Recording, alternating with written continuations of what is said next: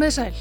Ég heiti Vera Íllóðdóttir og þetta er fréttaskýringa þátturinn Þetta helst, alla virka daga aðloknum hátdeisfréttum á rás 1. Lundunastúlkan Shamima Begum var aðeins 15 ára gömul þegar hún straukað heimann og gekk til liðs við Íslamska ríkið í Sýrlandi á samt tveimur skólasýstrum sínum á svipuðu reki. Lífið í Íslamska ríkinu reyndist ekki vera svo útópía sem hún hafi búist við. Hún eignaðist þrjú börn með hollenskum vígamanni og misti þau öll ung og hefur hafist við í flóttamannabúðum í norðaustanverðu Sýrlandi undan farin þrjú ár. Begum hefur lísti yfir að hún vilji snúa heim til Bretlands en það er henni ómögulegt. Hún hefur verið svift breskum ríkisborgararétti fyrir að hafa tilhert hriðverkasamtökum en árum saman hefur hún barist fyrir því að fá ríkisborgararétt sinn aftur.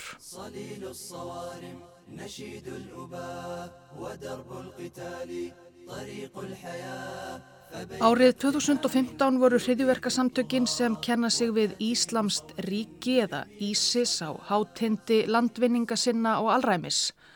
Það voru tíðar og óhugnanlegar frettir af ungum vesturlandabúum sem yfirgáfu heimalönd sín og heldu á víguvelli Sýrlands og Íraks til að gangast Íslamska ríkinu á hönd eftir að hafa látið glepjast af áróðuri samtakana á samfélagsmiðlum. Bresk yfirvöld hafa auknar áhegjur af ungum muslimakonum og stúlkum sem reyna að ganga til liðs við Íslamska ríkið. Leitað er að þremur breskum stúlkum, 15 og 16 ára, sem taldar eru vera á leið til Sýrlands. 17. februar 2015 sögðu þrjár breskar táningsstúlkur í Lundunum foreldrum sínum að þær ætluðu aðeins að skreppa út. En það sem inkonurnar Amira Abbase, Shamima Begum, báðar 15 ára og Khadija Sultana, 16 ára, gerðu í raun og veru var að halda út á Gatvík flugvöll hvar það náðust á öryggismyndavilum stíga upp í flugvél til Istanbul í Tyrklandi. Þaðan var ferð þeirra heitið yfir landamæri Tyrklands til Sýrlands sem þá logaði í borgarastyrjöld og var að hluta til undir yfiráðum Íslamska ríkisins.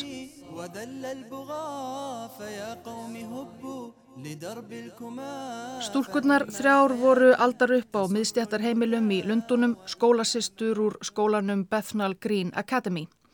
Mánuðina fyrir flóttan til Sýrlands hafðu þær orðið trúræknari, farið að fylgjast með áróðri sem Íslamska ríkið gaf frá sér á laun og á samfélagsmiðlum hafðu þær komist í kynni við trúsistur sínar sem hafðu yfirgefið vestræn samfélög og flutt til fyrirheitna landsins eins og þær voru farnar að álita að það væri Íslamska ríkið í Írak og Sýrlandi. Stúlkurnar þrjár voru meðal annars í sambandi fyrir brottför við tvítuga skoska konu sem hafi dvalið í Sýrlandi Íslamska ríkisins í á annað ár, blokkað opinskátum reynslu sína þar og hvart aðrar ungar múslima konur og stúlkur til að fara að dæmi sínu. Sú skoska og aðrar ísiskonur á samfélagsmiðlum dásumuðu sann íslamst samfélagið í Mósul, Rakka og öðrum borgum á valdi Íslamska ríkisins. Þar byrtu krútlegar myndir á Instagram af sjálfum sér með börnunum sem þær eignuðust með vígamönnum sem þær giftust. Að geta börn var þeirra mikilvægasta hlutverk í fyrirreitna landinu og þær auðvitað allklættar í svart og Kalasnikov riflar sjálfnast langt undan. Mál þeirra Abassi, Begum og Sultunu vakti mikla aðtikli í Breitlandi en ekki tókst að koma í vekk fyrir að þær kæmust alla leið yfir til Sýrlands. Lítið sem ekkert spurði svo til þrýegisins fyrir en fjórum árum síðar þegar Íslamska ríkið var svo gott sem gjör sigrað bæði í Írak og Sýrlandi. Anthony Lloyd, bladamaður The Times, hafði um miðjan februar 2019 uppi á einni stúlknanna, Shamímu Begum, í hráslagalegum flottamannabúðum í Sýrlandi fyrir fjölskyldur Ísisliða. Hún var þá ein eftir á lífi af þrýeikinu, vinkonur hennar að öllum líkindum látist í sprengju árásum á rakka einhverjum árum áður. Begum, rétt um tvítugt, var Kass ólétt þegar Lloyd rakst á hana og hún eignaðist svon örfáum dögum eftir þeirra fyrsta fund. Begum hafði nokkrum dögum eftir komuna til Sýrlands gifst ungum hollenskum vígamanni, líkt og ætlast var til af konum og stúlkum í Íslamska ríkinu. Hún hafði þegar eignast tvö börn en bæði dáið ung. Hún sagði við Lloyd að hún sæi ekki eftir ákverðun sinni að ganga til liðs við Íslamska ríkið á sínum tíma en nú vildi hún snúa heim ekki síst til að ala upp þriðja barn sitt í bresku samfélagi.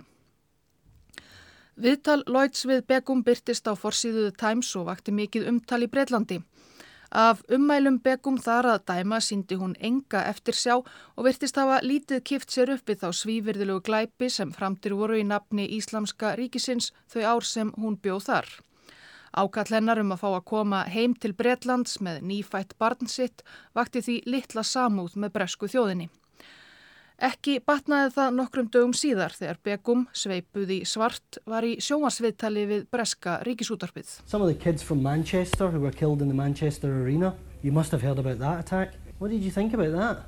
I was shocked, but... What? But I just couldn't... I do feel that is wrong that, people, like, innocent people did get killed. Just like people, you know, like the women and children in Baghuz that are being killed right now, unjustly by the bombings.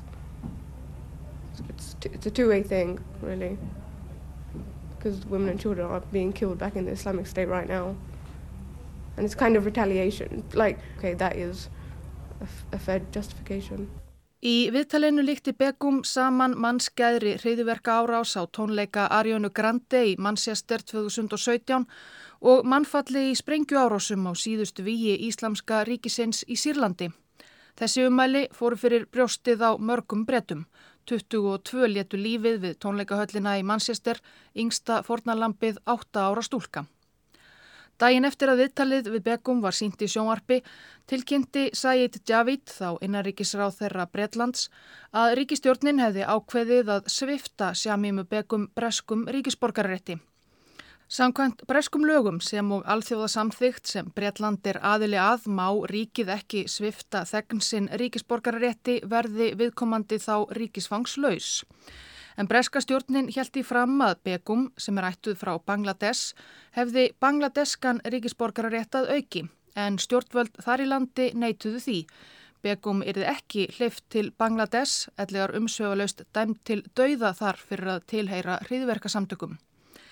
Begum var því að sönnu ríkisfangslaus, nokkuð sem mörg mannrettindasamtök gaggrindu þrátt fyrir erfiða sögu Begum. Mál Sjamími Begum er dæmi um vandamál sem stjórnvöldi mörgum vestrænum ríkjum hafa staðið frammi fyrir undanfærin ár. Hvað eigi að gera við þá stegna sína sem gengur til liðs við Íslamska ríkið, dúsa nú í flótamannabúðum og fangelsum í Írak og Sýrlandi og vilja snúa heim til landana sem þau bölfuðu fyrir nokkrum árum. Skiljanlega eru fá ríki óð og uppvæga taka aftur á móti slíku fólki.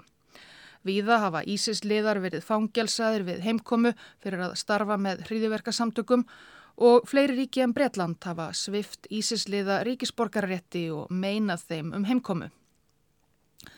Eginmaður Begam, hollenski vígamæðurinn Jakko Rietjek, lifir enn og dvelur í haldi Kurta í Sýrlandi.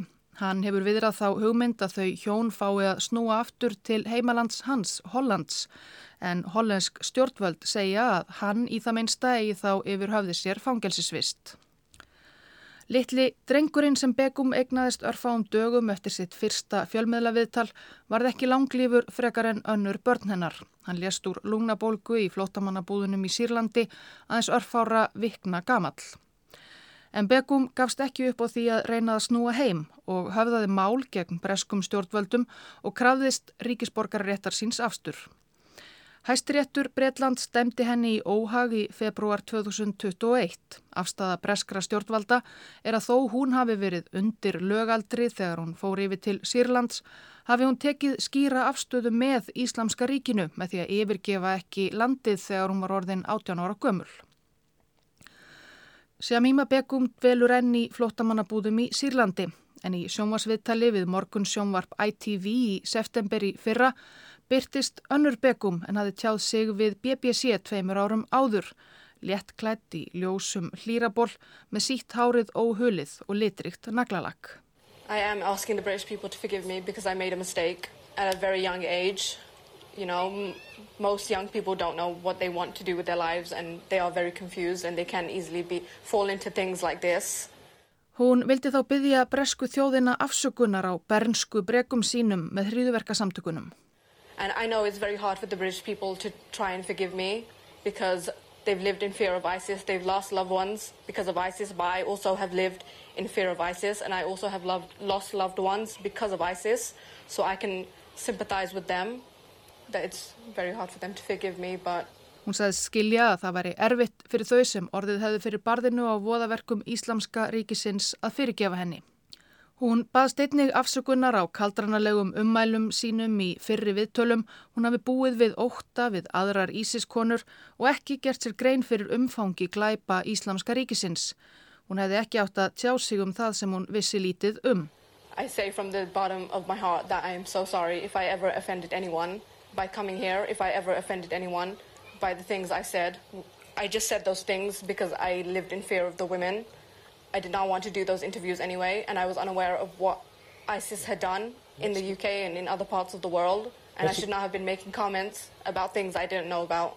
Begum sagði að hún hafi talið sig verið að gera það rétta í stöðunni sem muslimi og ekki viljað vinna neinum megin. Hún hafi látið glepjast af áróðri og gillibóðum verið grúmuð eins og sagt er á enskri tungu. The reason I came to ISIS, to Syria, was not for any violent reasons, not because I wanted to be a terrorist. It was because I thought I was doing the right thing as a Muslim.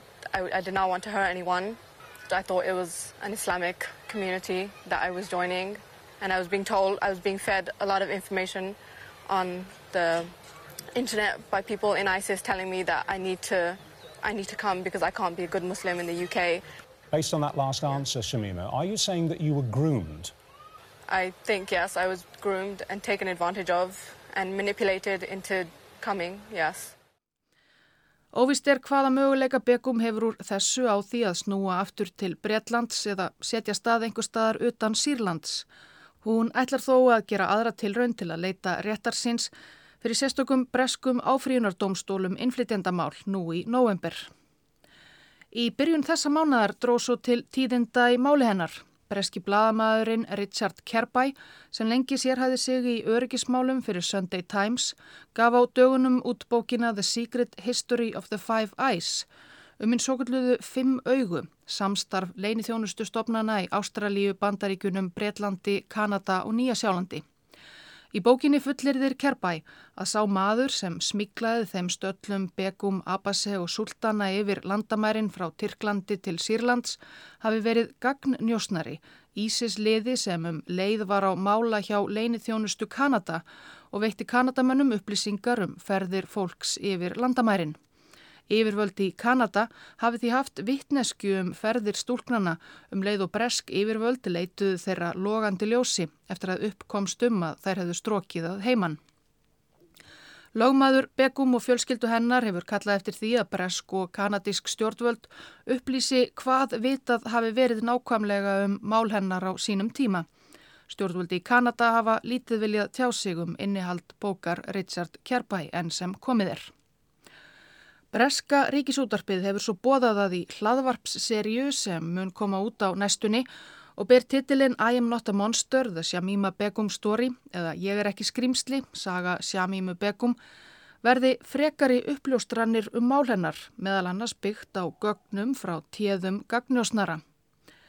Hvort að þetta muni hafa áhrif á málaregstur Begum í november næstkomandi á eftir að koma í ljós En þetta var helst af bresku Ísis brúðinni Sjamimu Begum að þessu sinni. Ég þakka þeim sem hlýtu. Við heyrumst hér aftur í þetta helst á morgun.